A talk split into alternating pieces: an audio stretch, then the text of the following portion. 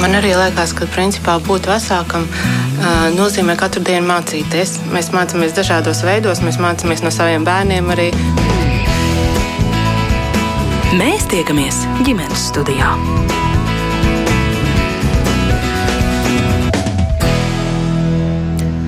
Labdien, rādījums ģimenes studija sāk savu skanējumu. Jūs sveicināta producenta Ilza Zvaigznes un es Agnes Linka. Šodien rādījumā mēs esam iecerējuši sarunu par pēcdzemdību aprūpi. Kāda tā ir šobrīd, vai vispār šāda sistēma pastāv un kādai tai būtu jābūt, domājot ne tikai par mazuli, bet galvenokārt par sievieti, kas nu pat kļuvusi par māti un arī par jauno ģimeni kopumā. Latvijā pagaidām neesam īsti gatavi tam, ka mamām un ģimenēm varētu būt nepieciešama palīdzība no ārpuses šai laika posmā, jo pastāv uzskats, ka ar visu taču vajadzētu tikt galā pašai un pašiem. Nu, šādu tēzi izvirs tie, kas padziļināti pievērsušies temata izpētēji, un par to tad arī šī diskusija. Tās dalībnieces šodien būs Instagram konta mamma mammai autore Kātja Zilpauša, viņa arī pati māma, protams, labdien! Labdien! Un telefoniski ar mums ģimenes studijā šodien kopā arī Dobeles slimnīcas vecmāte Rasma Kamīnska. Labdien, Rasma! Labdien! Un arī psiholoģijas zinātņu doktora, viņa arī kognitīva behaviorālā terapeita Diana Zande. Sveicināta! Jā, sveiki, labdien! Kā Allaž arī jūs klausītāji esat laipni aicināti pievienoties mums sarunā, ja ir kas sakāms, mēs gaidīsim jūsu komentārus, vislabāk kādu pieredzi vai jautājumus. Rakstiet ģimenes studijā no Latvijas radio mājaslapas. Kaķi, pirmais jautājums jums. Kā jūs vispār nonācāt pie pārdomām par šo tēmatu mm -hmm. pēcdzemdību, aprūpes, nepieciešamību, kvalitāti? Jā, pirmkārt, liels paldies gan Rasmai, gan Diānai, gan ģimenes studijai par interesi. Nonācu, protams, caur personīgo pieredzi pēc pirmā dēliņa dzemdībām, kas droši vien ir atsevišķs stāsts un gan emocionāls. Uzzināju no vienas draudzenes, ka Nīderlandē Pastāv tāds brīnišķīgs pakalpojums, kura nosaukums ir Kramzorga, kas ir pēcdzemdību māsa, um, kura nāk pie jaunās ģimenes, uh, Nīderlandes gadījumā desmit reizes, uh, palīdzēt ar jebko, kas un tai ģimenei nepieciešams. Uh, konkrētajā gadījumā, nu, ja mēs konkrēti pieminam piemērus, viņa pasaka, kā pareizāk bērniņu turēt. Jo viens ir, tad, kad tu kaut kādos kursos dabū lēlīti paturēt, un kaut kas pilnīgi cits ir tajā brīdī, kad tas ir dzīves mazulis, par kuru tu esi atbildīgs. Viņa uh, paskatās, kā sokās ar krūts uh, barošanu. Viņa paskatās, kā mamma jūtās un arī tētis emocionāli, attiecīgi, vai nav kaut kāds pēcdzemdību depresijas vai, vai, vai cit, citas pazīmes. Un man tajā brīdī ar savu zīdainīti uz rokām likās, wow, cik tas būtu kolosāli, jo tas ir tas, kas man ir vajadzīgs. Um, tad um, kaut kādu um, brīdi es gaidīju, kamēr paliks stāvoklī ar otro bērniņu. Uh, Un tad tas brīdis pienāca, un es piedzīvoju tiesa ar pašas rokām uh, radītu gan fantastisku sagatavošanos dzemdībām, gan ļoti sāpīgas, bet ļoti skaistas dzemdības ar pareizu atbalsta komandu, ko mēs varam vēlāk arī izrunāt, jo arī tas ir ļoti būtiski patiesībā. Un arī pēcdzemdībās es, es sev devu jebko, kas man ir, nu, mammas gadījumā, gan tas ir pirmkārt miegs un pārējais, attiecīgi, pirmkārt sākam ar fizioloģiju, tas tad uh, garam un, un emocionālajai stabilitātei ļoti svarīgi. Un starp tiem laikiem pagāja trīs gadi. Uh, man joprojām tā pēcdzemdība aprūpas tēma nelaida vaļā, un caur šo savu skaisto otro pieredzi ieraudzīju, hei, tas ir iespējams. Un uh, tad, uh, studējot biznesa augstskolā. Un, es sāku domāt par to, vai ir iespējams, ka Latvijā arī tiek ievies līdzīgs pakalpojums. Un, arī runājot ar draugiem vai speciālistiem, gan, gan ārstiem, pediatriem un, un ginekologiem, apstiprinājās tas, ka arī viņi redz to, ka šāda veida pakalpojums ir vajadzīgs. Uh, gāju šī mamma, mammai konta ietvaros, vienkārši pati, bez maksas palīdzēt mammām. Un kas ir ļoti interesanti, kaut kas līdzīgs kā tas kramzorgs, kaut kas, um, kas, kas mani pārsteidza. Pirmā mamma, ar kuru es tikos, bija četru bērnu mamma. Uh, arī viņai no manis bija vajadzīga atļauja, ka jā, tu drīksti iedot laiku sev.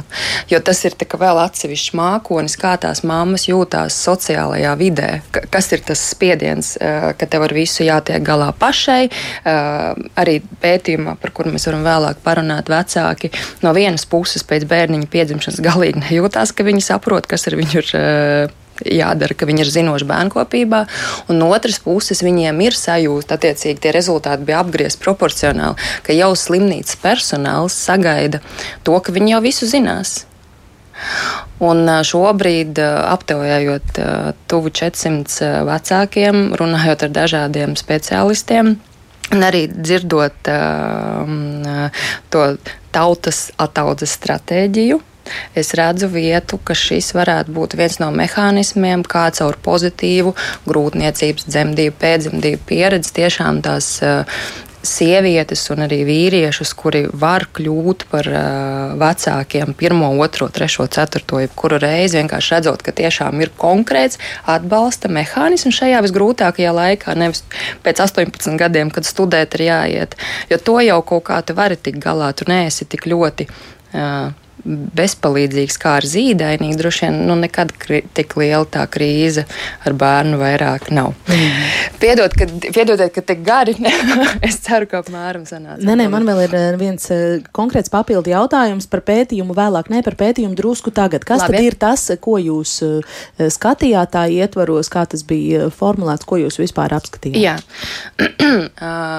bija vairāk aspekti. Uh, viens ir tas, ka es dažāda veida uh, zinātniskajā literatūrā mm, meklēju un skatījos, kas ir tie faktori, kas ietekmē uh, pēcdzemdību izdegšanas vai pēcdzemdību depresijas iestāšanos. Un viens ir tie oficiālie rādītāji, nu, ka tas ir apmēram 20, nedaudz pāri procenti. Tad, tad, tad par šo līniju runājot, aptaujājot šos vecākus, kas atzina, ka vismaz 34% ir bijusi šī pēcdzemdību izdegšana vai pēcdzemdību depresija. Uh, ko tas nozīmē tam mazajam cilvēciņam, jaunajam? Uh, ka, pieņemsim, mēs runājam par, par māmas pēcdzemdību depresiju, ka viņa gluži vienkārši dēļ nēsošiem iekšējiem resursiem sliktāk spēja par viņu parūpēties. Un tas nav nekādā veidā nopelnums mammai nu, tā ir vienkārši realitāte, kurā šī jaunā ģimene dzīvo.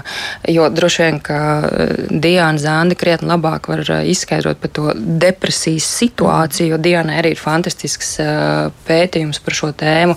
Ir tīpaši, ja mazulis ir ar, ar paaugstinātām prasībām, nu, kas arī tā reizēm notiek.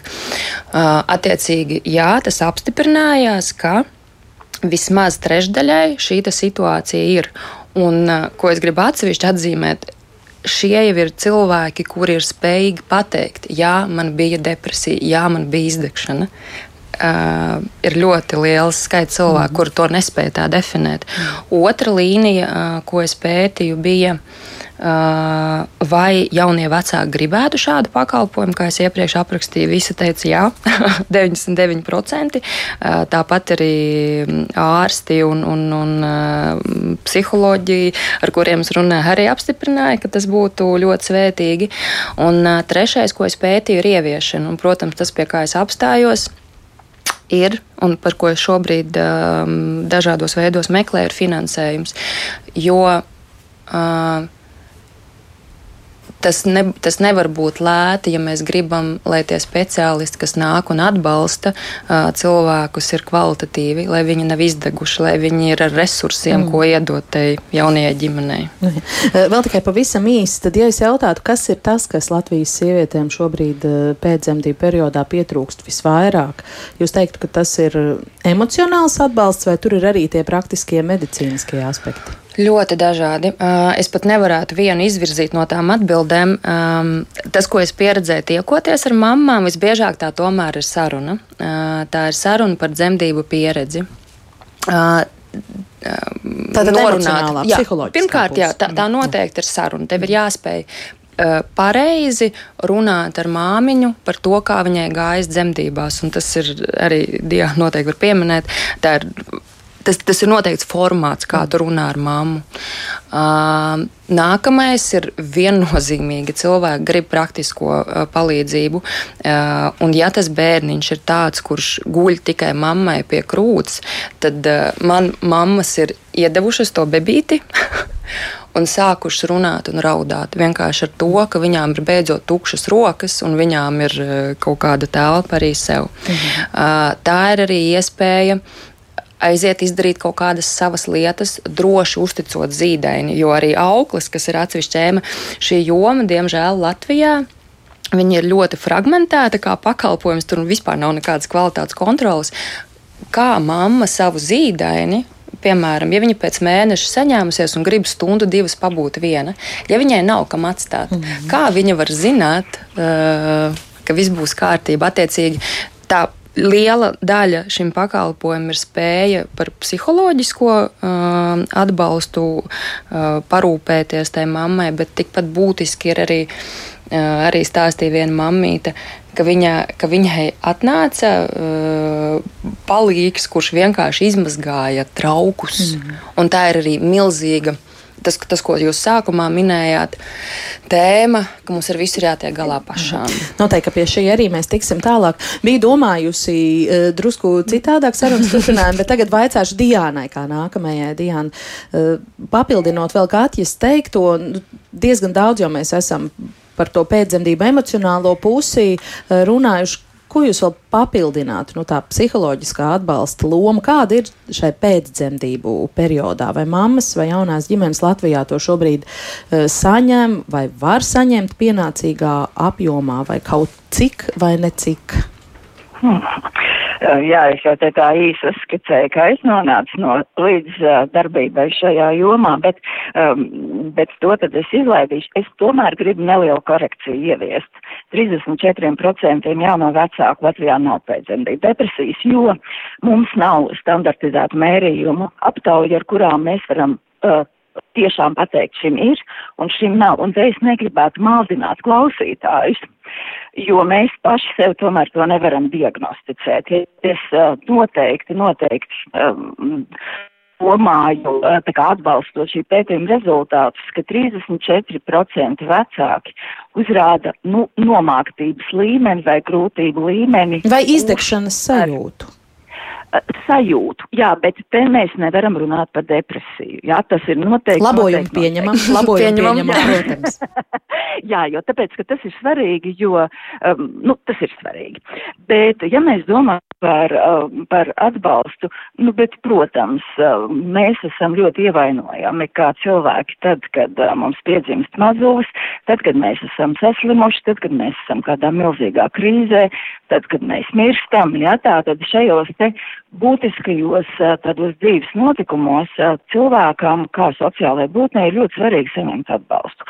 Un uh, dzemdības ir viens no tādām lielajām būtiskajām pārējām sievietes dzīvē, un lai cik viņa būtu gatavojusies uh, kursos, ko jau arī Kaķi pieminēja, ja turēt uh, lelīt rokās ir viens un turēt bērniņu rokās ir otrs, tajā brīdī, kad tas cilvēks tiek iemests tajā ūdenī, tad viņš tikai izjūt to, kā tas notiek ar viņu. Un uh, šeit uh, nekāda teorētiskā sagatavošanās nevar būt pietiekama, Uh, jo, nu, praksa jau rodas tikai izmēģinot, vai ne, un, un trenējoties. Un tāpēc ir ārkārtīgi svarīgi, lai ir šī te atbalsta sistēma, kas dažādās kultūrās arī pastāv. Un mūsu kultūrā tā ir gadsimtiem bijusi šī te dzīvošana dažādā, nu, vairākās paudzēs kas šobrīd vairs nav, un līdz ar to mēs nonākam situācijā, kad ar visu jātiek galā pašiem, un to ne tikai, um, ne tikai sociālie mēdīji uzspiež, bet tas ir mūsu vēstījums. Mūsu kultūrā tas ir tradicionāli. Mēs to nododam no paudzes paudzē, un jaunie vecāki to šobrīd cītīgi nodod saviem bērniem. Bet tātad mūsu Latvijā palīdzība. Es uzreiz pirmkārt gribu teikt par to, kas mums ir labais. Ka mums ir viens no garākiem bērnkopšanas atvainājumiem pasaulē, apmaksātiem, un šis ir ļoti svarīgi. Tātad tas ir kaut kas, kas ir patiešām labi, patiešām vērtīgi un uh, nozīmē to, ka mammas tomēr var pievērsties bērniņa aprūpei ilgāku laiku. Tas ir tā kā fundamentāli. Bet cita lieta ir, kas tad notiek šajā laikā, kad mammas un tēvi, jo bērniņš piedzimis ģimenei, kad viņi uh, ir stāvoklī, es negribu pēcdzemdību aprūpi nodalīt no grūtniecības aprūpes, jo tas nav tā, ka grūtniecības aprūpe mums ir, tad ir, un tad pēkšņi ir kaut kāds vakums, ja, tas patiesībā vecākiem vajag to atbalstu jau tad, kad viņi um, paliek stāvoklī vai tikai plāno bērnu, lai viņi patiešām uh, gan gatavotos šim notikumam un lai viņiem būtu šie līdzgaitnieki, uz ko vecāki var paļauties grūtā brīdī, grūtā situācijā. Un ar šo savukārt mums patiešām ir problemātiski valstī tas, ka šī palīdzība ir fragmentēta. Ir daudz dažādu projekti daudz dažādas iniciatīvas, bet vai nu tās ir ierobežotas laikā, vai tās ir pieejamas atsevišķiem cilvēkiem. Uh, nav arī skaidri apkopots, kur tad šo palīdzību var saņemt, un nerad, protams, palīdzību var saņemt par maksu. Ja tāda, var teikt, ir tāda puzles kastīte, kas ir piebērta ar tiem uh, puzles gabaliņiem, bet nav tā vienotā sistēma. Ja? Un var teikt, ka um, Līdz ar to daudzi vecāki vienkārši nezina par to, kur un kad un kā viņi var lūgt palīdzību.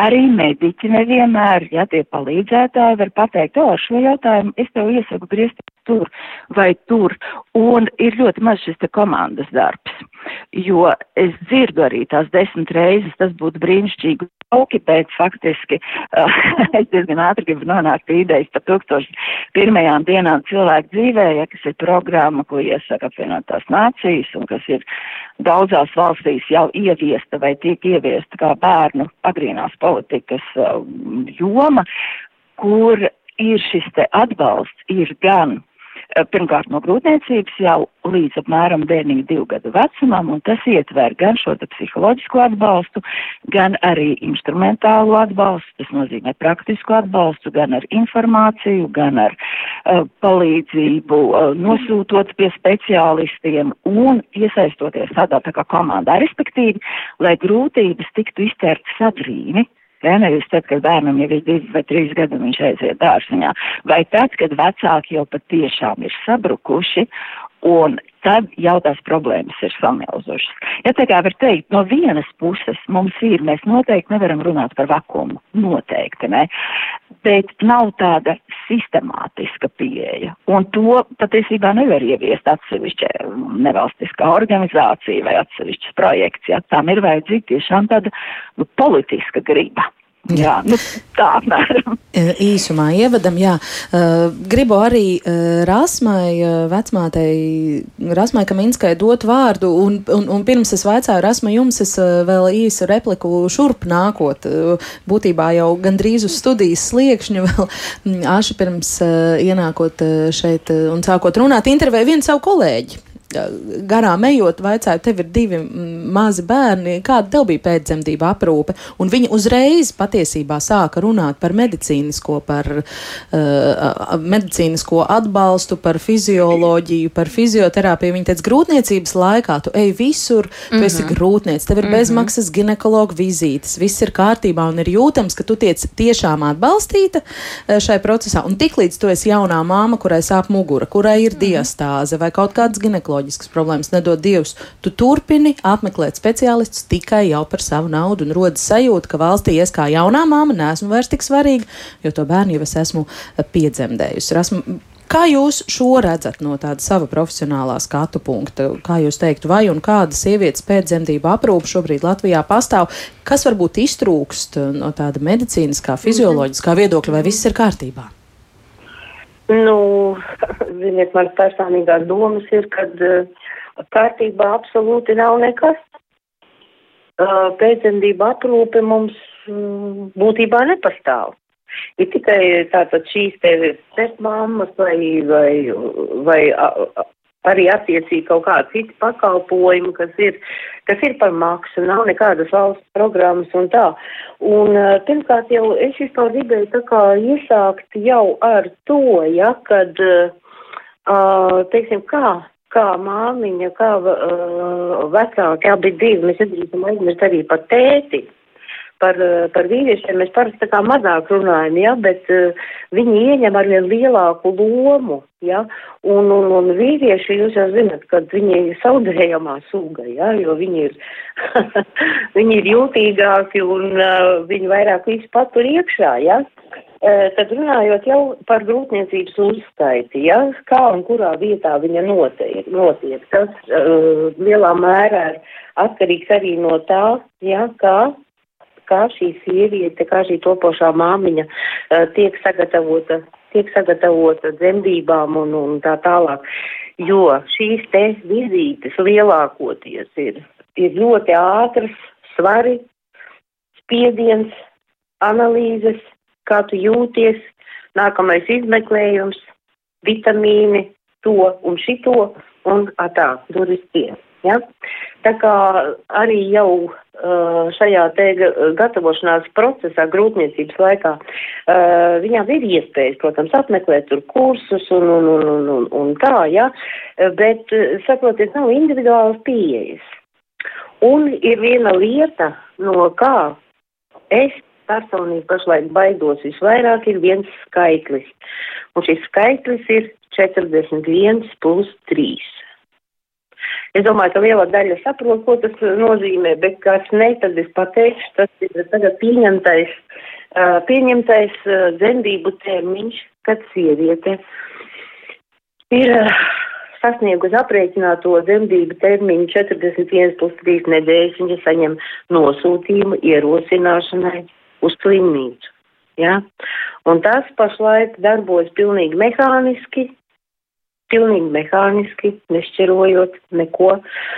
Un tikai kāds rets varbūt ginekologs ir tāds, ka ne kaut kāda varbūt lielāka, individuālāka uh, pieeja un interese par katru savu atsevišķo grūtnieci, kas pie viņas uzskaitē, ja? Un tad jūs tagad iedomājaties, uh, viņas pie mums tiek atsūtīta. Un lielākoties, uh, ja nu viņa tur kā vārdiņu mēģinājusi iebilst, tā kā, nu, varbūt es tomēr vēl, jā, ja, nu, tad tas būs uz jūsu atbildību. Kā viņa var to uzņemties, ja, un tad jūs iedomājaties, kādā psiholoģiskā stāvoklī jau viņa iestājas slimnīcā. Ko lai darām mēs? Ko mēs mediķi lai darām? Lielākoties tā arī ir, kad viņas paliek, tad jūs iedomājaties jau ar kādu uh, ar kādu spriedzi viņas ir ienākušas, jo pirmais jautājums ir tagad, ko ar mani šodien darīs, kas ar mani tagad notiks. Ja? Nu, un, protams, jau sākas viss šīs ierosināšanas, dzemdību, mēģin, mēģinām izraisīt, e, šī, mēģinām izraisīt dzemdības un tā, un jūs jau zinat, kā tas notiek, kad jebkura kaut kāda iejaukšanās no malas, es teikšu, nevajadzīga, ir lavīna, tas ir izraisa lavīnas efektu, ja? Nu, jā. un šīs dzemdības 90% ir nebaudāmas. Jā, bet eh, šis, eh, jā, arī tas ir eh, kaut kas jauns, tad mums par to noteikti būtu, es domāju, jārunā kādā atsevišķā raidījumā detalizēti. Es tomēr gribu jūs jā. vilināt un vēst atpakaļ pie tā pēcdzemdību perioda. Jā, kas ir jā, tas, kādai, kāda pēcdzemdību aprūpa tieši no medicīnas, no fizioloģijas viedokļa būtu nepieciešama? Un kas Jā. tur šobrīd iztrūks? Mēs visi zinām, ka ir klasiskais standarts sešas nedēļas pēc dzemdībām ginekologa jā. apmeklējums. Kam vēl tur jā, būtu jā, jābūt šai komplektā? Tā. Jā, jā, tieši tā.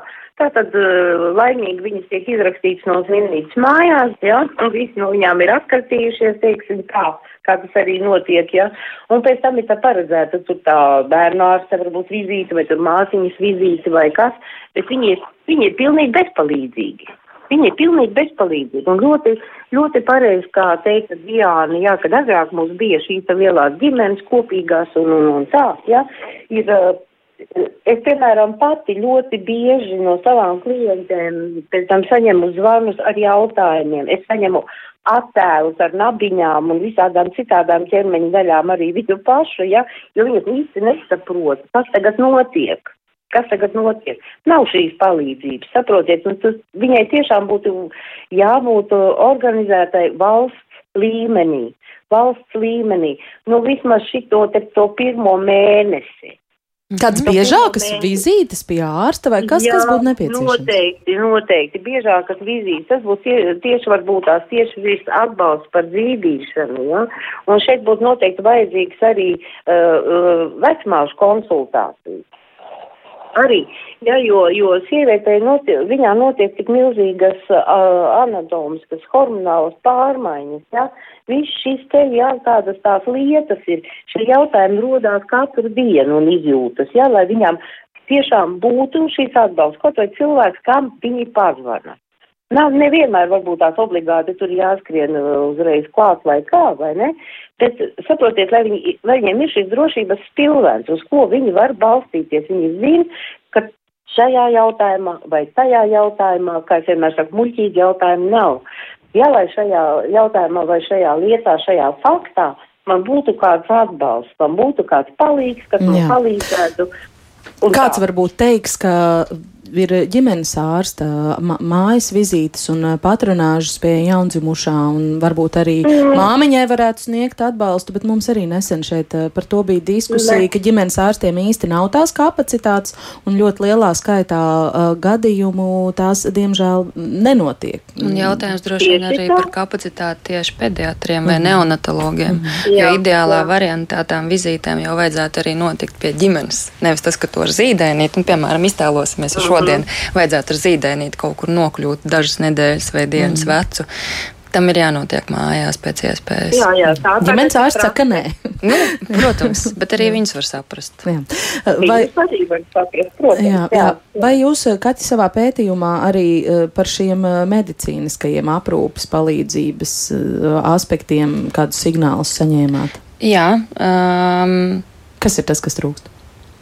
Viena, viens tas, ko es tikko pieminēju, ir arī kāda ir nu, kā kapacitāte tiem neonatologiem vai, vai vispār tas ģimenes ārsts, kurš ir uzņēmies uh, aprūpi jaundzimušā specializējās mm -hmm. tiešām uh, pediatrijā. Bet tieši mammai? Uh, Attiecībā uz māmu, uz sievieti. To es neskatījos, bet uh, tas, tas, ko Diana ļoti forši pieteica un, un uzrunāja, ir, ka tas viss tiešām ir jāskatās kopumā. Jau sākot ar to, kādā veidā mēs par to, kas ir grūtniecība un dzemdības, un kā mēs sagatavojamies dzemdībām, un kā mēs sadarbojamies ar speciālistiem, arī ko Rasmu pieminēja, kā mēs to skatāmies sabiedrības līmenī. Viennozīmīgi tas ir cits grūtniecības, cits dzemdību atbalsts attiecīgi. Es absolūti piekrītu, un arī šo pakalpojumu redzu, ka viņš sākas ideālā variantā jau tad, kad māma tikai ja var sākt domāt par to, ka viņi varētu palikt stāvoklī. Mm, jā. Mums klausītāja raksta Ilza, ka es būtu gribējis zināt daudz vairāk par pēcdzemdību fizioloģiju, kādas būs manas sajūtas tīri fiziski pēc normālām dzemdībām un kāds, kas palīdz šo laiku padarīt vieglāku. Un arī Anna raksta, žēl, ka labas lietas vairs nenotiek 85. gadā, kad man piedzima meita divu dienu laikā mājās atnāca vecmāte. Manai meitai jau divi bērni reizi pie viņiem mm. vecmāte nav bijusi pat uz vizīti pie pediatra nokļūt ir eh, problemātiski. Diana, šajā visā klausoties, noteikti ir kaut kas piebilstams. Jā, es domāju par uh, to lietu, ka, nu, tā kā uh, tas, ka nekas mums nenotiek, tā nav, un tas, ka mums viss ir labi, arī tā nav. Mums ir lietas, kuras noteikti ir sekmīgākas, un lietas, kuras patiešām ir diezgan lielā atmatā, un eh, man šķiet, ka viena no galvenajām lietām, kas ir, ir milzīgs pārāvums gaidās. ka gan jaunie, gan tūpošie vecāki nereti ir ar idealizētām gaidām par to, gan kas būs, kad piedzims bērniņš, un tad sastop, un šeit tiešām sociālajie mēdī dara ļoti traku lietu stāstot to, cik viss būs jauki, cik burvīgi, tu beidzot būs laimīga, vai arī dažkārt biedējot vecākus, nu, ar to, cik viss ir šausmīgi un briesmīgi un cik ārprātīgas bija dzemdības. Un tad, tad ir šīs gaidas, ka viss, ka kā tas būs, bet pārāk maz tiek uzņemti, tā kā paši vecāki tomēr bieži vien par maz uzņemas atbildību prasīt savām vecmātēm, prasīt saviem ginekologiem, respektīvi rūpēties par to, lai es saņemu atbildes uz sev svarīgiem jautājumiem, prasīt. Mm. Un no otras puses, arī tas, ko jau pieminēja uh, Rasme, ja, ka, um, ka faktiski savukārt profesionāļi um, bieži vien iespējams domā, nu ir gatavi tam, ka vecāki jau visu zina, jā, jo viņiem taču ir kursi bijuši. Un rezultātā sanāk tas, ka uh, viens nepajautā, otrs nepasaka, un uh, tie jautājumi tā arī paliek nepārunāti. Uh, es arī saprotu, es zinu, cik īsa ir šī te vizīte pie, pie ārsta uh, vai pie vecmātes, un atkal to garo vizīti var atļauties tikai par maksu, bet es gribētu teikt, ka varbūt mēs tiešām nepie, nepie tā kā nepilnvērtīgi izmantojam vai vecākiem pastāstām visas tās iespējas, kur viņš var saņemt kvalitatīvu bezmaksas resursu. Jā, es varu vārds kvalitatīvu, jo ir ļoti daudz nekvalitatīvu resursu. Ja? Ka, lai sniegtu, nu, lai viņi varētu dabūt kaut kādu jēdzīgu informāciju. Es tikai, es tikai ir. gribu iespraukties ar papildu mm -hmm. jautājumu par to pārrāvumu gaidās. Nu, kurš tad būtu jūsu skatījumā tas, kas to nepieļautu? Tie būs speciālisti maksas pirmsdzemdību kursos, vai tas būs tas uh, ginekologs, kas uzrauga grūtniecību? Kurš tas varētu būt? Nu, eh, tad kā tomēr vecāki, kad, nu, sieviete, kad paliek stāvoklī, nu, viņa nezina, kas ir viņa notiek un notiks, un ginekologs vai vecmāte ir tas profesionāls, kas to aptver, tad, protams, viņam šim profesionālim ir jābūt tam, kurš sniedz to, nu, parāds, ir, tāds tas ceļa norādītājs, ja?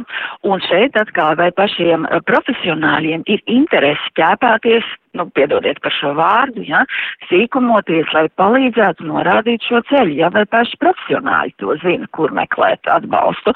Un uh, viena no pamata lietām, es tad, kad runāju par šīm gaidām, ir tas, ka varbūt, ka mēs esam aizmirsuši par to, ka uh, šīs te profesionālās attiecības un arī to, kā vecāki jutīsies gan grūtniecības laikā, gan dzemdībās, gan pēcdzemdībām, nosaka viena lieta - kontakts vai mēs izveidojam kontaktu ar to savu klientu. Un arī, vai dzemdēt, nu, dzemdētāji varbūt gluži nevairs, bet vai grūtniece un viņas uh, partneris, vai viņi mēģina izveidot kontaktu ar cilvēku, pie kā viņi iet, ja, jo tas ir pakalpojums, ko mēs. Tā ir sadarbība, šis process ir sadarbība, un šeit uh, ir ļoti svarīgi, ka gaidas trauc, gaidas ir, o, es domāju, ka otrs visu izdarīs, bet vai mēs uzrunājam šos jautājumus.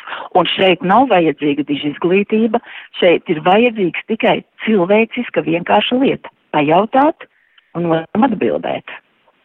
Jā. Bet tam nepietiek laika. Es ātri iestarpināšu, ka šodien ģimenes studijā mēs runājam par pēcdzemdību aprūpas kvalitāti, kāda tā Latvijā ir šobrīd, un ar mums eh, kopā eh, ir eh, telefonisks psiholoģe Diāna Zande un vecmāte Rasma Kamīnska, šeit klātienē Instagram konta Mama Mamai autora Katja Zilpauša. Katja gribēja ko piebilst Diānas teikt. es domāju, ka Diāna saka ārkārtīgi pareizi par to atbildības uzņemšanos, kas viennozīmīgi būtu jāņem arī gatavojoties dzemdībām. Proaktīvi savā rokās, jā, savā grūtniecība, dzemdības, jā, grūtniecības mm. laikā viennozīmīgi to rasmu var noteikti forši izstāstīt, kā vajag vai nevajag, ja es būtu, nebūtu aktīvam, bet ir vēl viena lieta.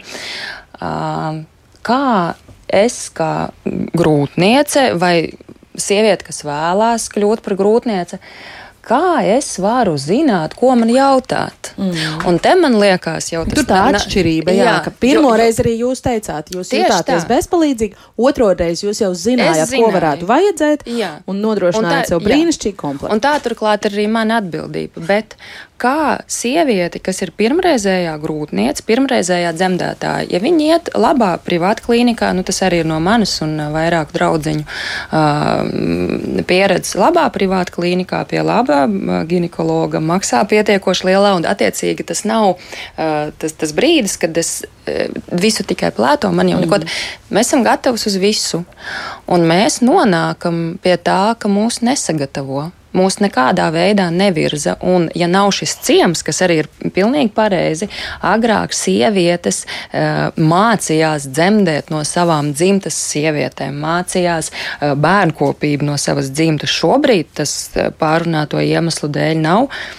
Bet, attiecīgi, ja nav sabiedrības, ok, politiskajā līmenī uh, izglītošana, bet mēs vēlamies pieaudzēt eh, Latvijas iedzīvotāju skaitu. Nu, kā, kā tad tās jaunās māmiņas to var zināt, vai mm. topošās, ko prasīt, kam gatavoties un tā tālāk? Es, es jā, eh, drusku iestarpināšu, jā, šeit jau tas ir, ka tāpēc sākumā ļoti tas profesionāls par šo atbildi, jo viņš saprot lauku, viņš zina, ka tev var rasties jautājumi par to, par to, par to, par to, par to, par to, par to. Uh, burtiski trijās minūtēs pastāstīt, un tev var rasties vēl daudz visādi jautājumi. Jebkuru jautājumu nāc un prasi. Tad, kad tu pie manis nāc, uztaisi sarakstiņu ar jautājumiem. Un tad mēs tos vai nu pārspriedīsim īsi, vai nu es tev došu uh, iespēju, um, pateikšu, kur tev jāiet, lai to noskaidrotu. Ja? Tas ir vienkārši pēc būtības, Jā. bet tas ietver to gribu. Nu, jā, gatavojoties eh, šim tematam, mēs eh, ģimenes studiju arī dzen, kopā ar Instagram kontu My First Year 2, kas eh, arī dzen ap, aktīvi apkopo mātišķības pieredzes. Mēs lūdzām kopīgi savām Instagram sekotājām padalīties pieredzē par pēcdzemdību aprūpi un to, kāda bijusi palīdzība. Mēs sasniedzām nedaudz virs 800 respondentēm, respondentiem. Jautājām, vai ginekologs vecmāte tevi informēja par pēcdzemdību emocionālo traucējumu pazīmēm, tur nē, atbildēja 92%. Vai ginekologs vecmāts sniedz informāciju par tavu fizisko stāvokli, izmaiņām ķermenī, kur vērsties pēc palīdzības, ja tāda nepieciešama? Nē, tur bija 65% gadījumu. Vai informācija un praktiskais atbalsts, ko saņēma stacionārā pēc dzemdībām, bija tev atbalstošs, atbilstošs? Nē, saka 22% un daļēji saka 50%. 3%. Eh, Rasmu, ko jūs varbūt domājat, klausoties šos, eh, šos eh, ciparus, šos procentus? Jā, ziniet, ziniet, nu, vispār jau, vispirms jau sāksim ar, varbūt ar to, kad uh, sievietes psihoemocionālais stāvoklis pēc dzemdībām uh, lielā mērā ir atkarīgs arī no tā, kādas bija šīs dzemdības. Ja? Un uh, tādēļ ir uh, nepieciešams uh, dzemdību laikā, ja sieviete, kad iestājas uz dzemdībām, censties, ne, varbūt pat, labi, viņa šo to pajautās, ja? bet pilnīgi pareizi, viņa nezina, ko jautāt. Viņa nezina, ko jautāt. Un paskaidrot paskaidrot viņai pa posmiem, visu, visu izstāstīt, ja, kas tagad varbūt būs, ko darīsim, ko nedarīsim, lai viņai ir saprotami. Un, protams, nepārtraukt uzturēt šo te kontaktu. Ļoti svarīgi ir vīra atbalsts, jo vīrieši bieži vien ir tie, kas nodod to informāciju precīzi mm. viņai sievietei, jau tad, kad viņa jau ir jau aizgājusi tur, jā, ja? viņa ir aizgājusi savā pasaulē un tā. Un, protams, jā, šī dzemdību pieredze viņai ir bijusi pozitīva. Nu, protams, tas ir sāpīgi visu un tā, bet pret viņu ir izturējušies ar cieņu, ar cieņu un atbalstoši, tad viņa arī šajā pēcdzemdību periodā, ja viņai visu laiku nebūs jādomā par to, ko es darīju nepareizi, vai kas tur bija slikti, vai kā, ja? Un tad tad jau viņa arī jau būs jau, jau mazliet tādā uh, pacelātākā gara stāvoklī. Un atvērtāk arī varbūt jautāt, vai ne? Bet Jaut, tieši par šo, ka ginekologs un vecmāte nu, varbūt nesniedz to informāciju par fizisko stāvokli, par fizioloģiskajām Jā. niansēm, vai Jā. tādu informāciju praktiski atbalstu. Mēs zinām, ka mediķi ir pārstrādājušies, viņi trūkst un arī viņi ļoti bieži ir izdeguši, bet vai tas būtu par daudz eh, bet, prasīts, bet, teiksim, no tāda medpersonāla bet, nē, šo informāciju sniegt? Nē, nē, nē, nē, tas nav attaisnojums, tas nav attaisnojums, ja? Mm. jo šajā darbā nedrīkst, nedrīkst pieļaut rutīnu, ja? Tu nedrīkst, jo šis katrs cilvēks, kas, ar ko tu sastopies, ja? tas, tā, tās ir viņa dzemdības, tās nav mūsu. Tas nav mūsu, tās ir viņas dzemdības, ja, kurās mums ir jāsniedz vislielākais, vislabākais atbalsts un jācenšas, jācenšas tiešām palīdzēt. Vārda pilnā nozīmē, tiešām palīdzēt. Un pēcdzemdībās arī tieši tas pats. Gan par bērniņa barošanu, gan, gan par visu, par viņas pašu stāvokli, kā viņai sevi kops, ko darīt un tā tālāk un tā tālāk, jā, iztrūkst iztrūkst. iztrūkst. Jā, nolasīšu vēl ātri divus. Es, es Diana, ātri izlasīšu ah. divus vēl komentārus, kas ļoti attiecas uz šo, un tad, Jā. tad eh, būs vārds Diānai. Kāda māma no mūsu sekotājām Instagramā arī raksta, ka divus mēnešus pēc ķeizara biju apskatē pie ginekoloģis. Viņa atstrādāti uzdeva jautājumus par manu pašsajūtu un domām pēcdzemdību periodā, bet es kā introverts cilvēks, kurš pieredzes ar visu tikt galā pats, tikai teicu, ka viss ir labi. Man nelikās piemērota situācija sākt kratīt sirdi par to, cik briesmīgi briesmīgi jūtos, jo jaunajām māmiņām taču ir lielākā laime bērniņš. Kauns par to, ka jūtos slikti, kad jājūtas labi. Savukārt kāda cita mūsu sekotāja māma raksta pati biju proaktīva, uzdevu jautājumus par visu, uz visiem jautājumiem tika sniegtas atbildes, dotas rekomendācijas, tā skaitā pie kura speciālista griezties ar attiecīgo jautājumu. Principā divi pretstati. Diana. Uh, tas, ko es gribēju pakomentēt, tas 92% aptaujāto māmu saka, ka viņas neinformēja par pēcdzemdību emocionālajiem sarežģījumiem. Kaut gan tas ir apstiprināts ar grozījumiem kabineta 2006. gada 25. 25. jūlija noteikumos. Ja, ir jāinformē, tas vienkārši ir jādara, bet tas nenotiek. Un šis ir tas, kas man dara bažīgu. Ja mediķis neizdara to, kas viņam ir jādara. Viņam vienkārši tas ir jādara, jā, bet viņš to nedara. Uh, un tad mammas paliek, vai arī otrs variants, kad par ļu, tiešām ļoti bieži mammas saka arī man, un es esmu arī debes manu konvaldē, ka mammas saka, tad, kad es sāku teikt uh, savam ginekologam, ka es jūtos slikti, es esmu nomākta, vai, uh, vai man galvā nāk trakas domas, vai es esmu es esmu pilnīgi pie zemes un jūtos traki, tad man ārsts saka, vajag vairāk staigāt, vajag pārbiet, vairāk iet ārā un nedrīkst raudāt, jo bērniņam tas nenāk par labi. Tātad māma nevis saņem atbalstu un paskaidrojumu par to, ka patiešām visā pasaulē 15% sieviešu izjūt pietiekami nopietnas pēcdzemdību depresijas simptoms, un tā ir drusku vairāk nekā 10%, un ka tas, ko viņa jūt, ka tas visticamāk attiecas uz šo, un ka, ka tas tā nav viņa viņas vaina, un tas tā var gadīties, un tev var palīdzēt tas un tas un tas. Ja, tā tātad mēs uh, profesionāļi, es neesmu mediķijā, bet uh, Ja vienkārši profesionāls neizdara to, kas ir viņa darba aprakstā, viņa uzdevumos, tad tas pat tiešām ir traki. Cita lieta, ka varbūt viņš to pasaka, bet pasaka formāli, un arī šis var būt traki sievietei, kura jūtas ievainojama tajā brīdī, kad viņa atklāja par sevi, nu, ļoti, ļoti personisku informāciju par to, kā viņi varbūt fiziski jūtas pēc ķēzara grieziena, bet kā viņi jūtas emocionāli. Un varbūt ir vēl daudz kas cits, par ko viņi gribētu pateikt tieši šim te mediķim, bet viņi to neuzdrošinās, jo saņem pretīm šo te noraidošo attieksmi. Ja cilvēcība nemaksā naudu. Un tieši cilvēcība ir iztrūkstošais aspekts bieži vien sadarbībā starp profesionāļiem un vecākiem. Nu jā, te mēs varbūt nonākam pie tā aspekta arī, ka mēs kā sabiedrība varbūt kopumā nemaz neapzināmies to pēcdzemdību periodu aprūpas un atbalsta mm. nozīmību. Tas lielais akcents ir uz to gaidīšanas laiku. Es nolasīšu dažus arī klausītāju komentārus, jo viņi aktīvi iesaistās mūsu sarunā. Māja uzsver, jā, ka es vecmātei varu paprasīt kaut ko tikai kamēr esmu dzemdību iestādē, nevis pēc tam. Un arī Ilza raksta, ka viena lieta ir tā, ka svešā vidē tūliņ pēc dzemdībām slimnīcas palātā kāda bērnu māsā ātri ienāk un paziņo, ka tagad jāskatās, kas un kā jādara, žiperīgi apkopja mazulīti un pazūd, bet pavisam cita lieta ir tad, kad es nonāku mājās savā vidē un saprotu, ka neko nesaprotu, ka ārprātīgi uztraucos un vairs neko neatceros. Pat ja ir iedot izdrukāta lapiņa, bet nu jau vairs nav neviena speciālista, kam uh, pajautāt.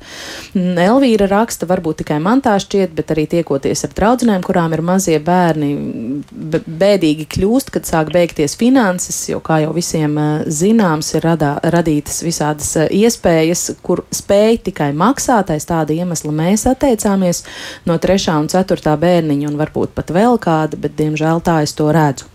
Un arī Ieva mums raksta, es priecājos, ka biju sarunājusi savu draugu, kas mani regulāri mammoja, regulāri atveda siltu ēdienu, reizēm izveda suņus pastaigā.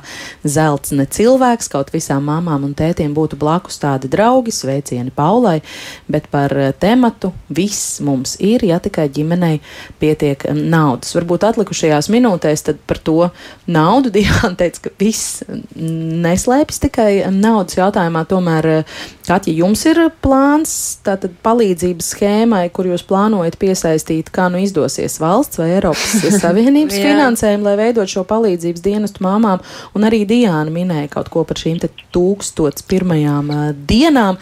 Tas nav droši vien viens un tas pats. Tas ir stipri tuvu. Tas, tas ir stipri, stipri tuvu. tuvu jā. Jā. Izstāstiet savu plānu un kādā stadijā, cik tālu tas ir, ko jūs darāt un ko cenšaties. Jā. Jā, tā tad pašreiz es esmu sarakstījusi to maģistra darbu par šo tēmu. Attiecīgi esmu teorijā un ar praktisko pētījumu pamatojis to, ka šis pakalpojums, šī vajadzība sabiedrībā ir, re, kur mēs arī dzīvajās sarunās ar klausītājiem to redzam.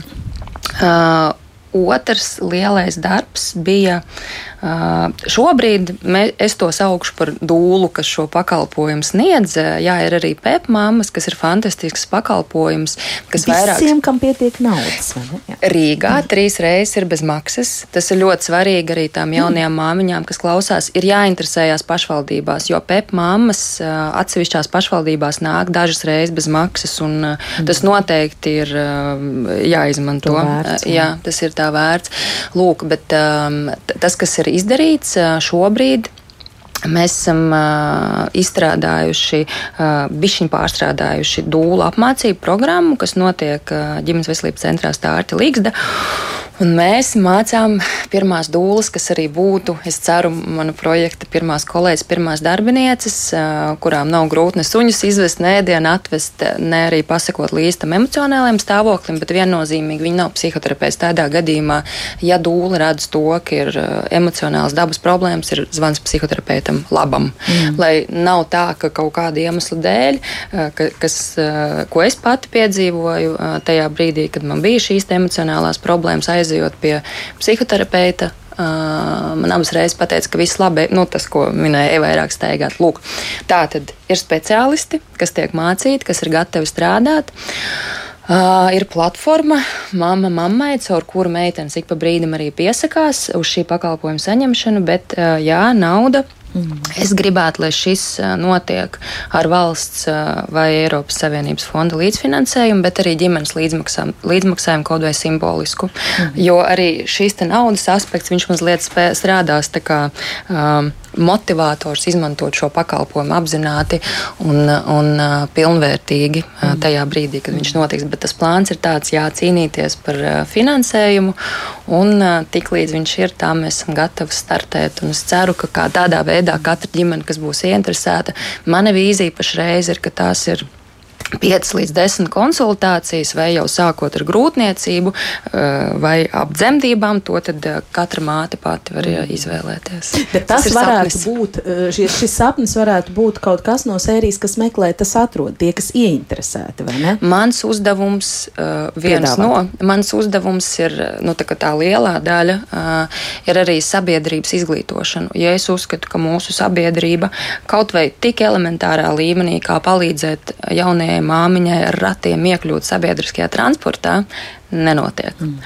Mēs nelaižam apsēsties grūtniecības bieži vien, mēs nepalīdzam jaunajām māmiņām, mēs neataisam mm. vaļā durvis, un tā, attiecīgi tas ir cits vēl atsevišķs. Jā, protams, tas ir Diānai vēl pāris atlikušajās minūtēs gribu pagūt dot arī vārdu par tūkstots pirmajām dienām, kas sākumā tika pieminēts. Tas būtu kaut kas visaptverošāks, ne tikai tiem, kas eh, meklē un paši sev organizē palīdzību dienu.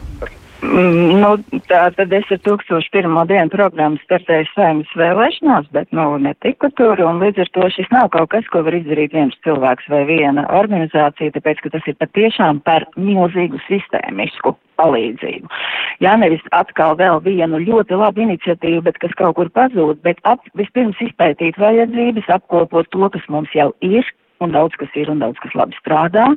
Uh, un tad uh, šis ir orientēts gan uz to, lai vecākiem sekmētu gan šīs te, šo emocionālo labsajūtu grūtniecības laikā dzemdībās, pēc dzemdībām sekmētu to, lai viņi saprot savas mazuļu vajadzības, palīdzēt viņiem šeit agrīnas skrīnings grūtībās, arī šajās pašās emocionālajās grūtībās un arī mazuļa attīstības kaut kādās grūtībās.